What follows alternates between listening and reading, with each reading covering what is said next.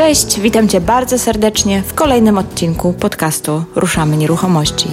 Ja się nazywam Marta Baczewska-Golik i na łamach tego podcastu pomagam osobom zainteresowanym tematyką nieruchomości zrozumieć pewne mechanizmy i prawa rządzące tym rynkiem. Jeżeli podobnie jak ja uważasz, że najlepiej zdobywać wiedzę od praktyków, a nie od teoretyków, to ten podcast jest dla Ciebie i mniej pewność, że wszystkie przeprowadzone tu wywiady są z ludźmi, którzy wiedzę zdobywali poprzez własne doświadczenie. O tym, że fajnie byłoby mieć portfel aktywów w postaci nieruchomości, pewnie nikogo nie muszę przekonywać. Jednak od zawsze powstaje pytanie, w jaki sposób mogę go zbudować, jeżeli nie mam kapitału?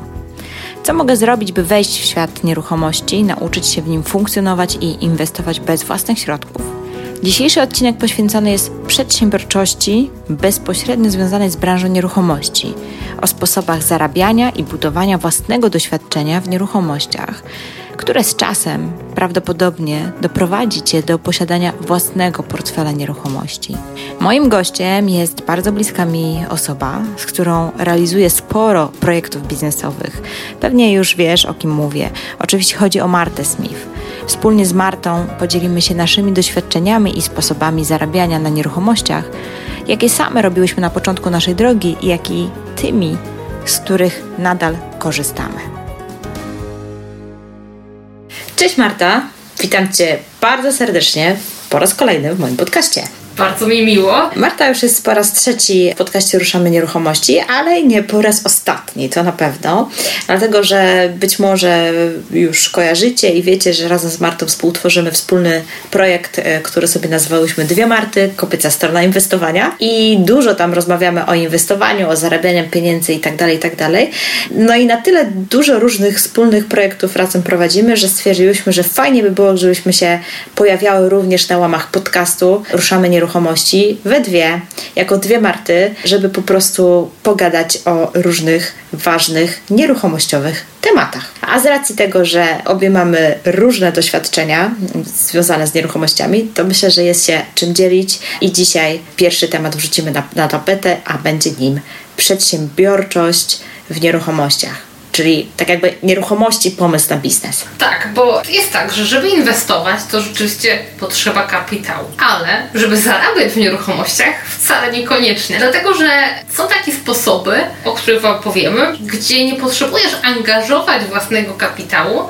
a zarabiasz. Tak naprawdę to jest świetny sposób na przekonanie się, że nieruchomości to jest Twoja droga, lub nie, bez ryzyka kapitałowego, bo jak prowadzimy różne webinary, e, szkolenia na temat nieruchomości, to mamy wrażenie, że największym lękiem osób, które zaczynają inwestować, jest strach przed utratą kapitału i w ogóle strach. Jest taki, taką największą przeszkodą jest strach. I bardzo dużo się wiąże z tym strachem właśnie takiego przekonania, że moje pieniądze, mój kapitał może na przykład zniknąć. Jest to bardzo trudne w nieruchomościach. Tak naprawdę ja jeszcze nie straciłam na nieruchomościach, więc myślę, że wcale e, na nieruchomościach stracić jest niełatwo, ale jednak tak, taki strach jest. Więc to, o czym chcę powiedzieć, to trochę jak się przekonać do tematu nieruchomości bez ryzykowania ogromnych zasobów kapitałowych. Tak, a z drugiej strony wiadomo, każdy projekt inwestycyjny niesie mimo wszystko jakiś element ryzyka ze sobą, więc nie można go zupełnie wykluczyć, no bo na pewno znacie historię, zresztą na łamach podcastu też publikowałam takie, gdzie niestety no, ludziom się nie powiodło. Natomiast chodzi o to, żeby ten, ten element zupełnie wyeliminować albo zminimalizować no, niemalże do zera takie ryzyko, po to, żeby śmiało wejść na ten rynek. Ale też jest też druga strona medalu. Też zauważyłyśmy e, i to wynika często często z różnych e, komentarzy, zapytań, jakie do nas spływają, e, zauważyliśmy, że e, wiele osób chciałoby wejść w tą strefę inwestorską, ale boi się podjąć ryzyka na przykład założenia działalności gospodarczej.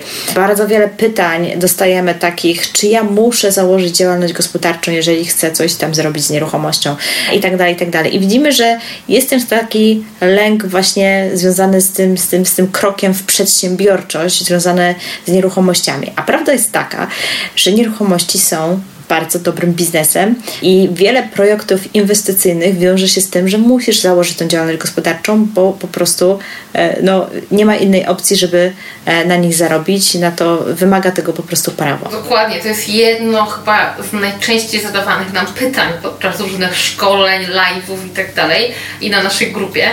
Czy muszę zacząć e, założyć działalność gospodarczą? I zazwyczaj to pytanie brzmi, mam taki taki plan, chcę robić podnajmy, chcę robić flipy, chcę robić najem na dobę, czy muszę założyć działalność? I ta działalność, nie wiem czemu w Polsce kojarzy się z taką jakąś straszną rzeczą, że to jest w ogóle koniec świata i będę musieć, musiała płacić ZUS i w ogóle no, jest to dość przerażające. Zresztą nie tylko w Polsce, bo czasami w Wielkiej Brytanii też właśnie są pytania, czy muszę założyć działalność. Akurat w Wielkiej Brytanii własna działalność to jest po prostu pikuś, jeśli chodzi o sprawy takie księgowo-biurokracyjne, jest to bardzo, bardzo proste.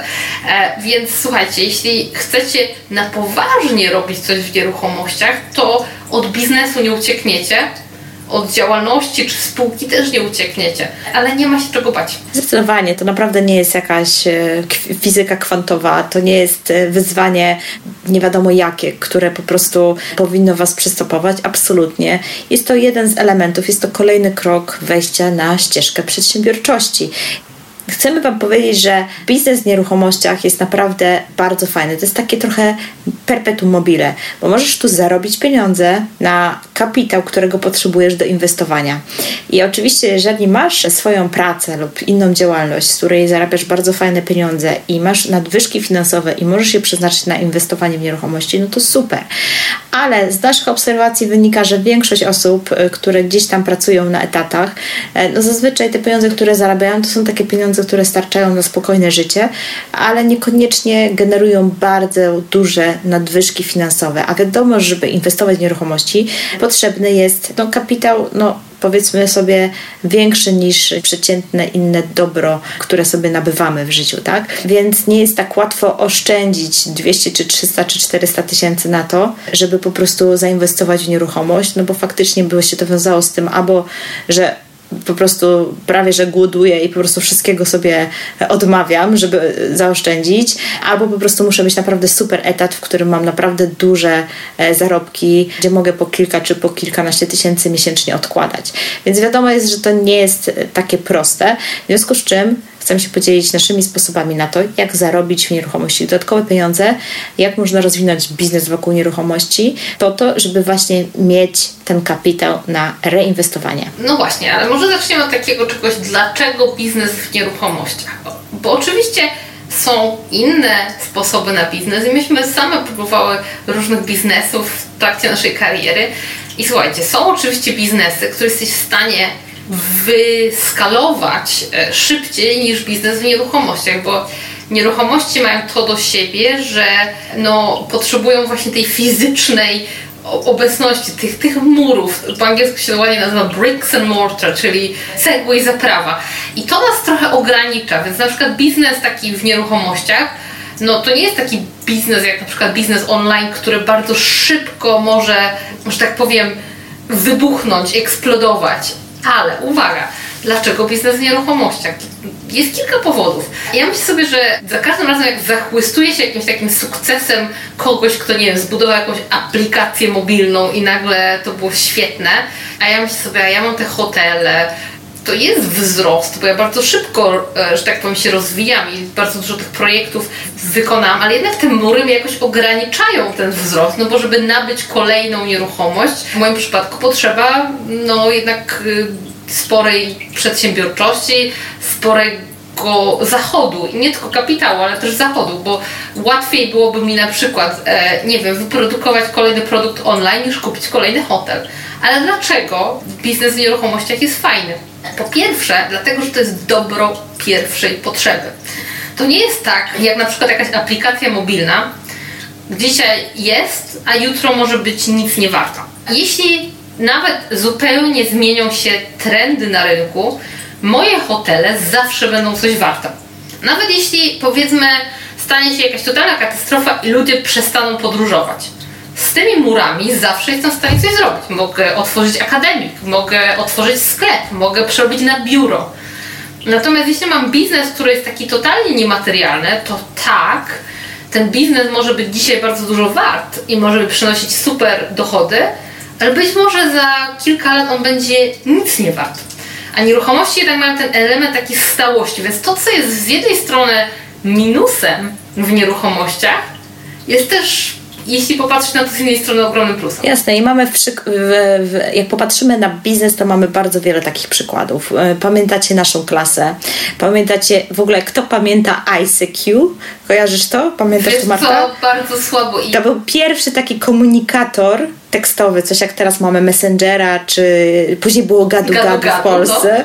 tak? Ale pierwszy był ICQ. Ja pamiętam ten czas, kiedy po prostu to był wow, to był szał dział. A kto dzisiaj wie, co to jest ICQ? to, to właśnie te, te wirtualne i mobilne biznesy niestety yy, dają duży boom, ale też są obarczone dużym ryzykiem przemijania i to bardzo szybkiego przemijania. I, i nawet jeżeli mamy fizyczny produkt pod tytułem no, takim standardowym przykładem jest Nokia oczywiście, tak, która wypadła z rynku, a była gigantem, gigantem, jeżeli chodzi o telefony mobilne, to widzimy, że, że, że tutaj jest tak duża płynność tego wszystkiego, tak dużo nowości technologicznych wchodzi, jest tak duża konkurencyjność też tego rynku, że faktycznie trzeba być bardzo, ale to bardzo czujnym, żeby nie wypaść e, z gry najzwyczajniej w świecie. I dlatego dzisiaj największe na przykład portale społecznościowe ciągle inwestują w kolejne i w kolejne nowe jakieś pomysły, bo wiedzą, że jak się zatrzymają, to za rok czy za dwa, e, pomimo swojego naprawdę ogromnego dzisiaj potencjału, wcale niekoniecznie tak musi być. Okej, okay, ale jest jeszcze drugi powód, dla którego e, ja uważam, że fajnie jest mieć biznes wokół nieruchomości.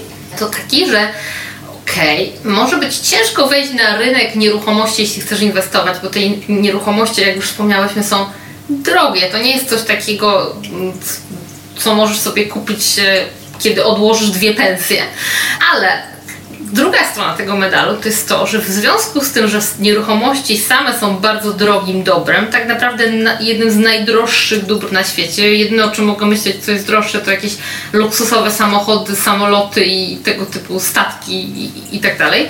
E, jednak same nieruchomości, jako dobra ogromnej wartości, też powodują to, że wszystkie usługi i serwisy i rzeczy związane z nieruchomościami też są drogie. Dam Wam przykład. Jeśli sprzedaję koszulki, o mam taką piękną koszulkę, tutaj naszą kobiecą stronę inwestowania, powiedzmy z tej koszulki robi się hit i mogę ją sprzedać za 50 zł. Taki przykład. Koszulka za 50 zł, to, to moim zdaniem dość, dość drogie na koszulkę, ale powiedzmy, jest to koszulka za 50 zł. Wyprodukowanie zajmuje mi, e, zabiera mi tylko, nie wiem, 10 zł. Ogromny margines zysku, ale to jest tylko 40 zł.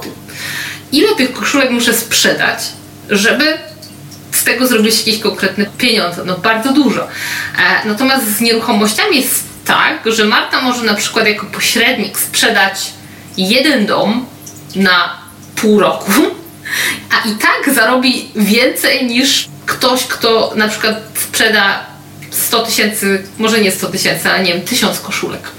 Dokładnie. Cały sekret polega e, na tym, jest taka nawet teoria, że jak chcesz więcej e, zarabiać, to zacznij sprzedawać bardziej e, droższe rzeczy lub bardziej luksusowe rzeczy, bo wiadomo, że z tych rzeczy są większe marże i prowizje. I tak samo jest z nieruchomościami. Prawda jest taka, że jest mnóstwo pośredników nieruchomości, którzy sprzedają drobne usługi, typu na przykład pośredniczą w usługach najmu, pośredniczą sprzedają małe, niewielkie mieszkanka i tak dalej. I oni muszą zrobić więcej tych transakcji w miesiącu, żeby wyjść, że tak powiem, na jakąś sensowną pensję, niż osoby, które na przykład zajmują się sektorem nieruchomości luksusowych lub na przykład nieruchomości komercyjnych. Ja na przykład teraz mam w sprzedaży działkę deweloperską, gdzie negocjujemy cenę, ale ona jest na poziomie blisko 9 milionów, no to moja prowizja z tej działki deweloperskiej jest naprawdę, e, no, no trzeba by było zrobić kilkanaście flipów, żeby to dorównać, więc e, więc generalnie rzecz biorąc, okej, okay, takich tematów się nie robi codziennie, ale tak naprawdę mi wystarczy jeden, dwa takie tematy w roku i sobie spokojnie żyję. Więc y, trzeba wziąć to pod uwagę, że faktycznie nieruchomości dają dużą możliwość. Nawet jeżeli w nie nie inwestujesz, to możesz zarabiać w nich naprawdę duże pieniądze, Oczywiście zaraz ktoś tu powie, no tak, ale ty już jesteś długo na rynku, e, masz, e, że tak powiem, wyrobioną markę, no tak jak zaczynasz, to nikt ci nie da działki za 9 milionów i tak dalej, i tak dalej, bo ja takie komentarze często słyszę. To prawda, zapracowałam sobie na to, żeby do mnie takie tematy trafiały, ale to nie jest coś, czego ty nie możesz zrobić. Dokładnie. To jest kwestia czasu i kwestia zbudowania sobie marki, wizerunku i zbudowania też doświadczenia, no bo wiadomo, że trzeba mieć jakieś doświadczenie, żeby takie większe tematy przyciągać, ale jest perspektywa. Teraz pytanie, czy w Twojej pracy jest też taka perspektywa? Czy to, co robisz, daje Ci perspektywę, że za rok, dwa, trzy jak już zdobędziesz doświadczenie, będziesz mogła czy mógł zarabiać takie pieniądze. Zdecydowanie, więc może przejdziemy do samych sposobów zarabiania w nieruchomościach. Co możesz robić, nie inwestując, żeby zarobić w nieruchomościach. My same mamy różne sposoby. Jednym z takich najbardziej oczywistych jest to, co robi Marta, czyli pośrednictwa. Ale też możesz pracować jako osoba, która wyszukuje stricte dla inwestorów okazje inwestycyjne. I to jest takie coś połączone pośredni, bo pośrednik tak naprawdę zajmuje się obrotem nieruchomościami wszelkich. Można się wyspecjalizować w nieruchomościach komercyjnych, można się wyspecjalizować w nieruchomościach mieszkalnych i tak dalej, ale można się też wyspecjalizować w tak zwanych okazjach dla inwestorów, gdzie po prostu dostarczasz im tematy, masz, współpracujesz z kilkoma osobami, z jedną, dwiema, trzema na stałe, które cały czas robią inwestycje, a ty im dostarczasz po prostu, no, nazwijmy to towar handlowy, tak to by trzeba było nazwać. I za to też pobierasz pieniądze i wynagrodzenie i to całkiem fajne. Ja bardzo e, często e, czymś takim się zajmowałam, bo kiedy wyszukiwałam okazji dla siebie, to zawsze, ponieważ byłam w tym bardzo dobra, udało mi się znaleźć więcej niż pozwalało mi na to moje środki. No w pewnym momencie miałam na przykład około pięć takich projektów inwestycyjnych na tapecie w każdym czasie. Taka to była średnia. Każdy z moich projektów inwestycyjnych wymagał pełnego remontu, czym też powiemy, bo z tym też się wiąże kolejny sposób na zarabianie w nieruchomościach, ale nie chciałam nawet pożyczać takich ogromnych zasobów kapitałowych, e, bo wiadomo, że własne środki starczały mi na trochę, środki od inwestorów, czy jakaś współpraca na kolejne e, parę, ale zawsze zostawały mi takie jeszcze okazje inwestycyjne, które mogą być niewykorzystane. I wtedy po prostu brałam takie odstępne, czy tak zwaną finder's fee, jak to się to nazywa po angielsku, i zajmowałam się wyszukiwaniem okazji inwestycyjnych dla innych inwestorów. Może powiemy, jakiego rzędu to są pieniądze. No, to zależy od okazji i zależy od lokalizacji. I czy jesteś w drogiej okolicy, czy w taniej okolicy, no bo wiadomo, że w jakimś małym miasteczku nieruchomości są mniej warte niż w, e, Warszawie czy w Londynie. Ja zazwyczaj e, brałam za coś takiego, za taką usługę około 3000 funtów, między 2 a 4, w zależności od nieruchomości. Czasami ludzie biorą prowizję, tak jak e, pośrednik, wyrażoną w odsetku między 2 a 5%, tak przeciętnie, ale to są już jakieś konkretne pieniądze. Dlaczego? Dlatego, że wyszukiwanie okazji inwestycyjnych nie jest proste. Przy tym trzeba się naprawdę napocić, nachodzić, naanalizować.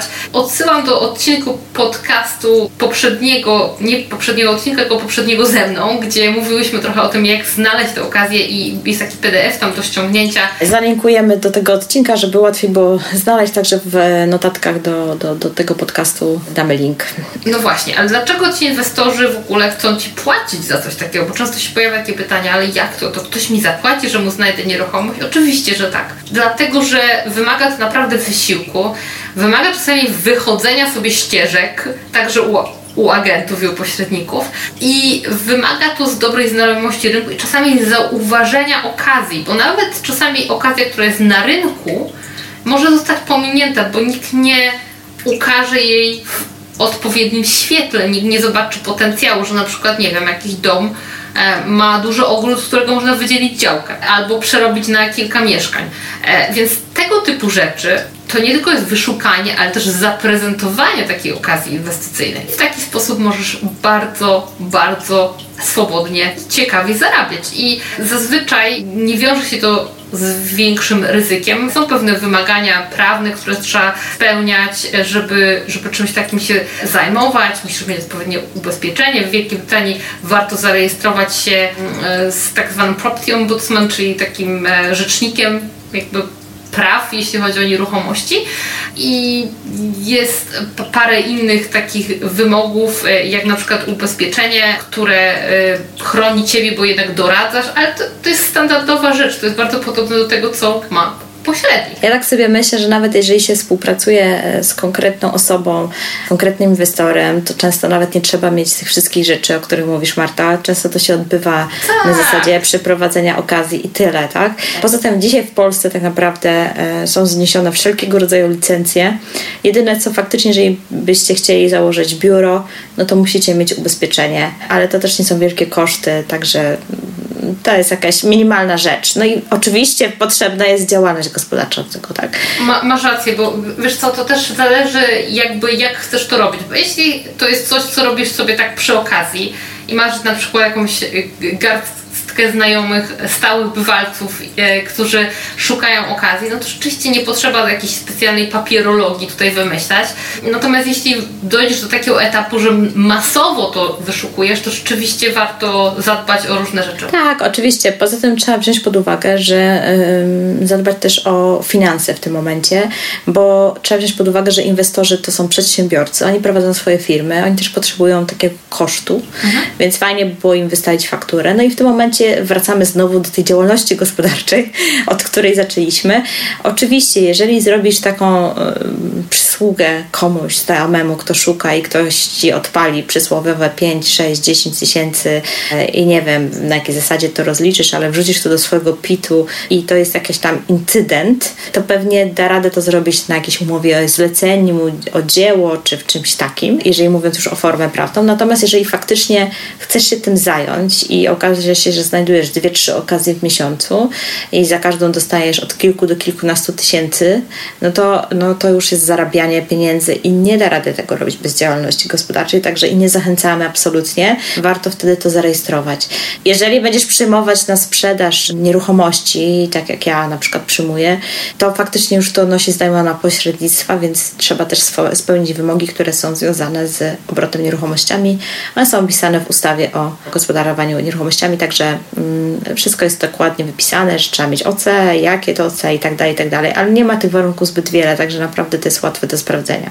Tak, ale coś, co podkreślamy zawsze, kiedy mówimy w ogóle o zarabianiu pieniędzy, bo często mówimy o tym, to to, żeby zacząć od właściwej strony. Więc nieważne jaki biznes e, to jest, nie zaczynajcie od tego, a jakie podatki zapłacę, a jakie tu muszę spełniać wymogi zacznijcie od tego, co jest takim największym i najważniejszym czynnikiem w biznesie i bez czego nie masz biznesu, czyli zacznijcie od sprzedaży, po prostu. Musi być sprzedaż, wtedy jest biznes, bo jeśli nawet zarejestrujecie się w każdym urzędzie i macie wszystkie papierki, a nie uda Wam się sprzedać ani jednej okazji inwestycyjnej, no to nie macie biznesu.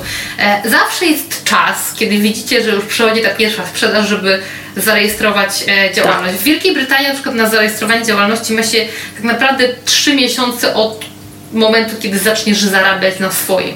To jest takie dość mądre. W Polsce też jest ten okres przejściowy, tylko ja nie pamiętam teraz ile, bo ja już po prostu działalność gospodarczą zakładałam tak bardzo dawno temu, że już nie pamiętam jakie to są przepisy, ale zdaje się, że jak jesteś, że jak zarejestrujesz, bo to też jest kwestia jednego dnia dzisiaj rejestracja, to możesz na jakiś czas przed, yy, przed rejestracją swoje działania wrzucić do, do, do tej działalności gospodarczej. Także nie ma dramatu, nie musicie od razu biec do urzędu, do urzędów y, rejestrować działalności, e, jeżeli jeszcze nie ma żadnego biznesu. Jak zaczniecie robić biznes, zaczniecie zarabiać, będzie na to też czas, także spokojnie. Okej, okay, to jakie jeszcze inne są sposoby na biznes w nieruchomościach? Ja wspomniałam, e, że robiłam remonty. Oczywiście robiłam remonty dla siebie e, jako inwestorka, ale w, po, w pewnym momencie stało się oczywiste, że robimy tych remontów tyle, że warto mieć własną firmę budowlaną, więc miałam firmę budowlaną. Nie zatrudniałam nikogo na zasadzie pracowników, ale miałam podwykonawców, którzy byli luźno z nami związani, chociaż miałam takich podwykonawców, którzy przez kilka lat pracowali prawie tylko i wyłącznie dla nas, albo nawet byli tacy, którzy pracowali zupełnie e, dla nas, nie mieli żadnych innych klientów. Więc miałam swój zespół fachowców, pewnym momencie nawet miałam więcej niż jeden zespół, bo symultanicznie robiłam wie, wiele projektów i w takim e, układzie mogłam użyć tego zespołu i mojej wiedzy na temat remontów i naszego doświadczenia w zarządzaniu projektami, żeby oferować usługi budowlane. I teraz tak, uwaga. Myśmy nigdy nie oferowali usług budowlanych dla przeciętnego Kowalskiego. Współpracowaliśmy tylko i wyłącznie z inwestorami. To było bardzo fajne, dlatego że po pierwsze, inwestorzy nie są wybredni, tak jak właściciele mieszkania. E, kiedy ja robię remont na flipa, no to nie mam jakiejś specjalnej wizji, że tutaj ta szafka musi iść dokładnie w tym miejscu, dlatego że mam taki plan. Oby było tylko schludnie, precyzyjnie i ładnie. Nie liczą się jakieś tam bardzo indywidualne um, projektanckie rzeczy, więc było o, ty, o tyle łatwo. Po drugie, inwestorzy zawsze mieli pieniądze, no bo kupowali nieruchomość i zazwyczaj dawali mi dużą zaliczkę na materiały budowlane i płacili mi bardzo regularnie w takich transzach. Ja miałam w ogóle specjalną umowę e, i nigdy się nie obawiałam tego, że co jest bolączką wielu, wielu fachowców i co zdarza się niestety nagminnie, że ktoś przychodzi, wykonuje dobrą robotę, a potem klient mu nie płaci. Niestety, znając budowlańców, e, wiem, że z tym się bardzo często borykają. Praca z inwestorami eliminowała to ryzyko, a poza tym byłam w stanie skonstruować trochę w inny sposób, że oni płacili po prostu za usługę zarządzania projektem, a wszystko innymi po kosztach, więc ja nie narzucałam marży za materiał. Oczywiście ty możesz to rozwiązać w zupełnie inny sposób, ale dlaczego mówię o tym zarządzaniu projektem? Bo z tego potem się robi taki fajny pakiet. Ja wyszukuję nieruchomość i ja remontuję. Remontujesz. Mało tego, na tym się nie kończy, bo jest jeszcze cały inny wachlarz usług, które można zaoferować inwestorom. Na przykład home staging, czyli ubieranie nieruchomości pod sprzedaż, jeśli to jest flip. Na przykład zarządzanie najmem, jeśli jest to nieruchomość znają. A wiem, że ty, Marta, robiłaś jeszcze inaczej, bo czasami to, co znajdowałaś, brałaś potem w podnajem, prawda? Tak, ja robiłam coś takiego, że faktycznie jako pośrednik znajdowałam okazję dla inwestora, e, za to brałam prowizję, a potem e, mieszkania, które znalazłam, brałam, wynajmowałam tak jakby od tych inwestorów i sama dalej podnajmowałam to turystom. Czyli robiłam tak zwane najem na doby, więc miałam inwestora, który mi zapłacił za prowizję. Potem tak jakby on chciał mieć problem z głowy, chciał, żeby co miesiąc po prostu był czynsz na koncie, więc ja mu co miesiąc ten czynsz zapewniałam, a sama jeszcze zarabiałam na tym, że podnajmowałam to na doby, w związku z czym generowałam większy przepływ pieniędzy niż ten czynsz, który płaciłam inwestorowi i, i były moje koszty, więc zarabiałam na tym mieszkaniu y, i miałam dzięki temu stały cash flow tak? Czyli tak jakby miałam kilka usługi, czyli za prowizję dostawałam taki fajny, jeden większy zastrzyk pieniędzy, potem e, mało tego, ponieważ wiedzieliśmy, że to tak będzie, to najczęściej ja wybierałam mieszkania, które się też do tego nadawały, nie trzeba było ich jakoś super remontować i tak dalej, i tak. Poza tym mój inwestor zazwyczaj e, zdawał sobie sprawę, że to mieszkanie będzie trzeba przygotować pod ten najem, więc miał też budżet przygotowany do tego, więc ja nie musiałam tych mieszkań w jakiś sposób remontować i wykładać swoich pieniędzy na to, więc to było bardzo fajne, bo na przykład też oczywiście później brałam mieszkania których, od ludzi, którym nie szukałam tych nieruchomości, więc te na przykład wymagały często jakichś nakładów. No bo na przykład trzeba było je przygotować, doposażyć i tak dalej. A moi inwestorzy wiedzieli, że oni kupują mieszkanie, które ja będę od nich później wynajmować i ono będzie wynajmowane dla turystów, więc żeśmy szukali takiej nieruchomości, która będzie spełniać te kryteria, a jak coś było z nią nie tak, to oni ją dostosowywali do tego planu. Więc e, to było naprawdę bardzo sprytne. I Potem zarabiałam jeszcze na tych nieruchomościach właśnie tej nadwyżki, którą generowały mm, przychody z najmu na dobę. I to jest jakiś tam kolejny wachlarz. Są też agencje, które na przykład e, zajmują się tylko i wyłącznie zarządzaniem najmem długoterminowym i na przykład podpisują umowę z obsługi, tak jakby na zarządzanie danej nieruchomości z właścicielem i potem biorą na przykład z każdego czynszu jakieś tam, nie wiem, 10 czy 15% co miesiąc i oczywiście to jest mała kwota, ale robią pieniądze na skali, czy na przykład mają w zarządzaniu 100 czy 200 takich nieruchomości, tak?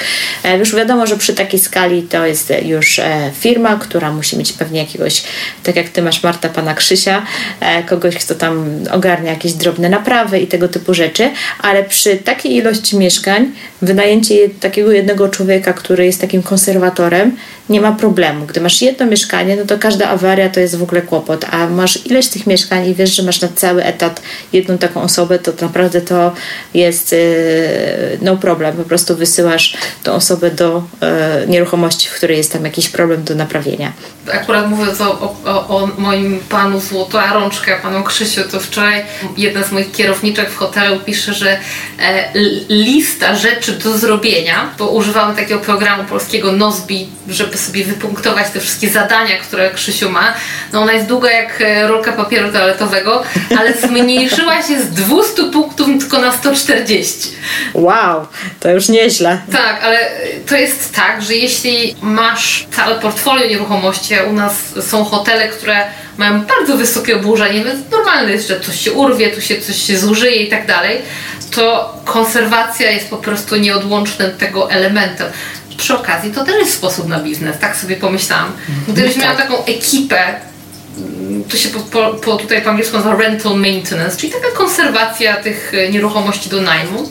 To jest w ogóle też fajny sposób, bo e, współpracujesz z ilomaś tam właści właścicielami i możesz coś takiego takie usługi oferować. Nie musisz tego robić własnymi rękami oczywiście. Możesz po prostu mieć jakiegoś zaufanego pracownika czy pracownika. No, w ogóle przydajmy na doby standardem jest właśnie taki outsourcing usługi, która się nazywa właśnie sprzątanie, kwaterowanie, chociaż dzisiaj już się coraz częściej kwateruje automatycznie, ale jednak mimo wszystko część osób ciągle e, kwateruje osoby, które przyjeżdżają i tak dalej, i tak dalej.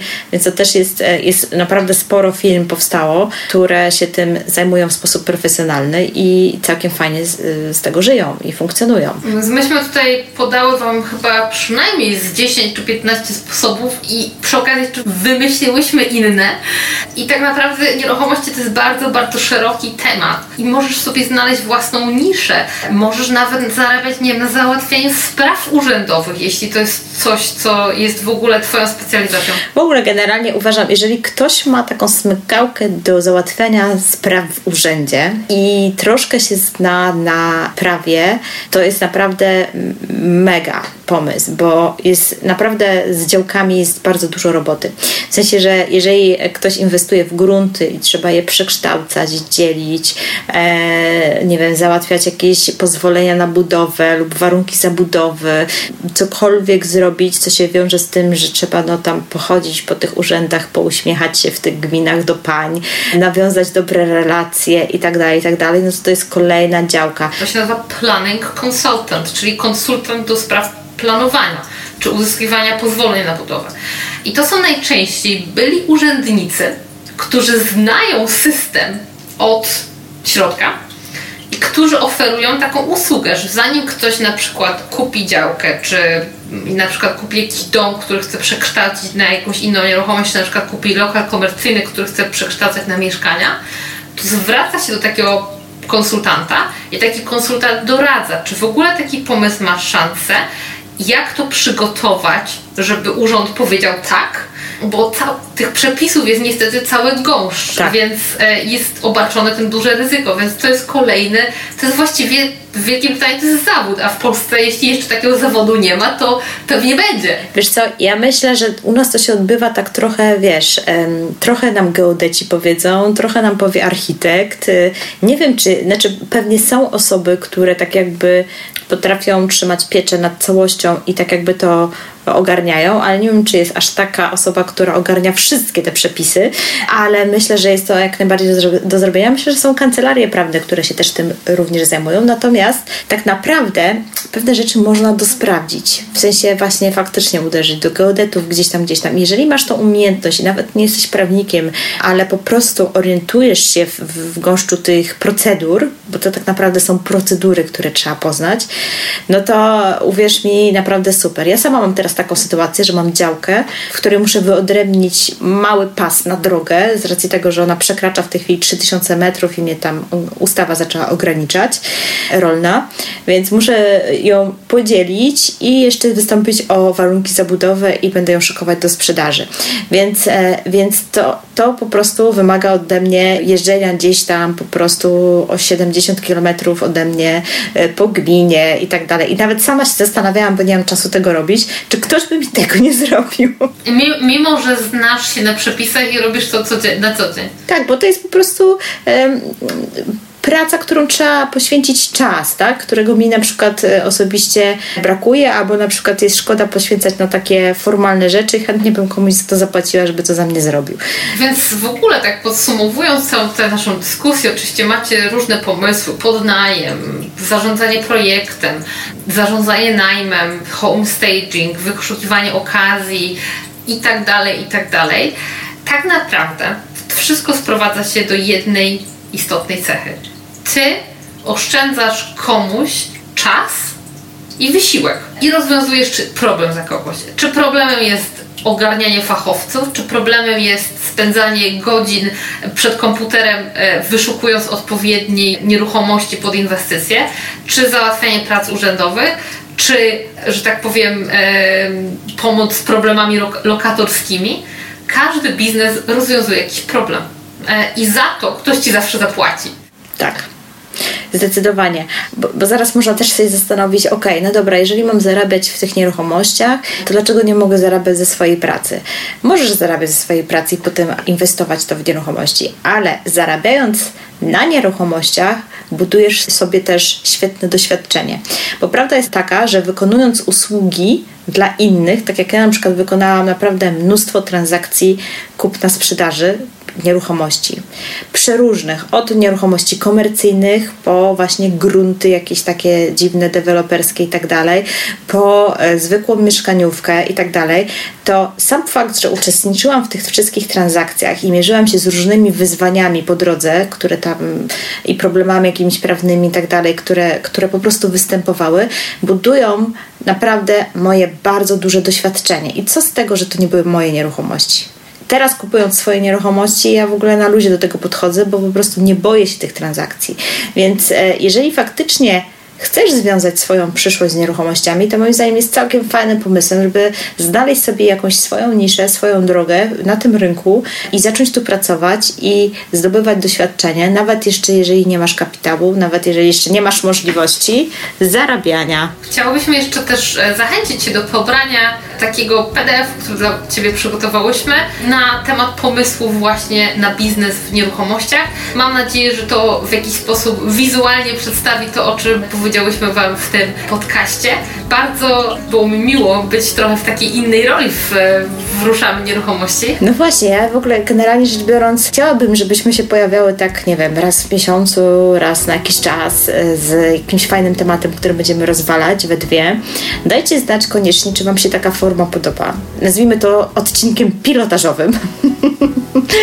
Dajcie znać, czy Wam się podoba, czy macie jakieś pytania, a może jakiś, jakiś, jakiś temat chcecie, żebyśmy po prostu rozłożyły na czynniki pierwsze na łamach podcastu, więc e, tutaj mamy taką fajną przestrzeń, że możemy po prostu na to poświęcić czas e, i mówić o temacie tak długo jak chcemy.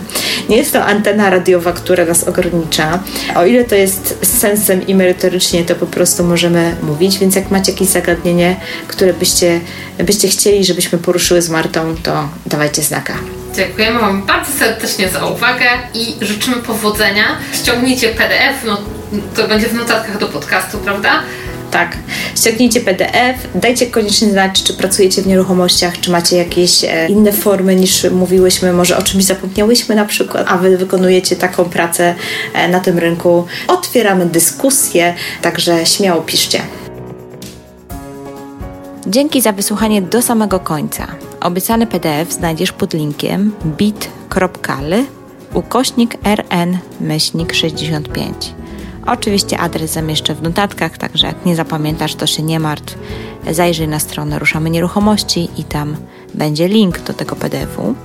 Razem z Martą staramy się regularnie dostarczać wiedzy z zakresu przedsiębiorczości inwestowania w nieruchomości, dlatego jeżeli podobał Ci się ten odcinek i chciałbyś lub chciałabyś więcej, to z przyjemnością będziemy częściej się pojawiać na łamach tego podcastu. Daj nam znać, o czym chciałbyś, chciałabyś usłyszeć. Chętnie dostarczymy Ci wiedzy, której naprawdę potrzebujesz na temat nieruchomości. Ponadto razem z Martą publikujemy bardzo wiele różnego rodzaju materiałów zupełnie bezpłatnie. Znajdziesz nas na stronie dwiemarty.pl oraz w mediach społecznościowych, na Facebooku, który się nazywa, nasz profil na Facebooku nazywa się Dwie Marty, myślnik kobieca strona inwestowania oraz na kanale YouTube, który od niedawna zaczęłyśmy tworzyć. Także też zachęcamy do zasubskrybowania tego kanału oraz oczywiście facebookowego. W każdym razie tam zawsze znajdziesz najświeższe informacje, co u nas słychać, a regularnie robimy webinary, które cieszą się dosyć dużym powodzeniem, więc jeżeli interesuje Cię ta tematyka, a zakładam, że tak, skoro słuchasz tego podcastu, to bardzo Cię serdecznie zapraszamy również na nasze rzeczy, które organizujemy z Martą. Na koniec ostatnia prośba. Jeżeli myślisz, że ten odcinek może kogoś zainspirować, to po prostu mu go wyślij. Proste działanie, udostępnij. Wielkie dzięki i do usłyszenia niebawem.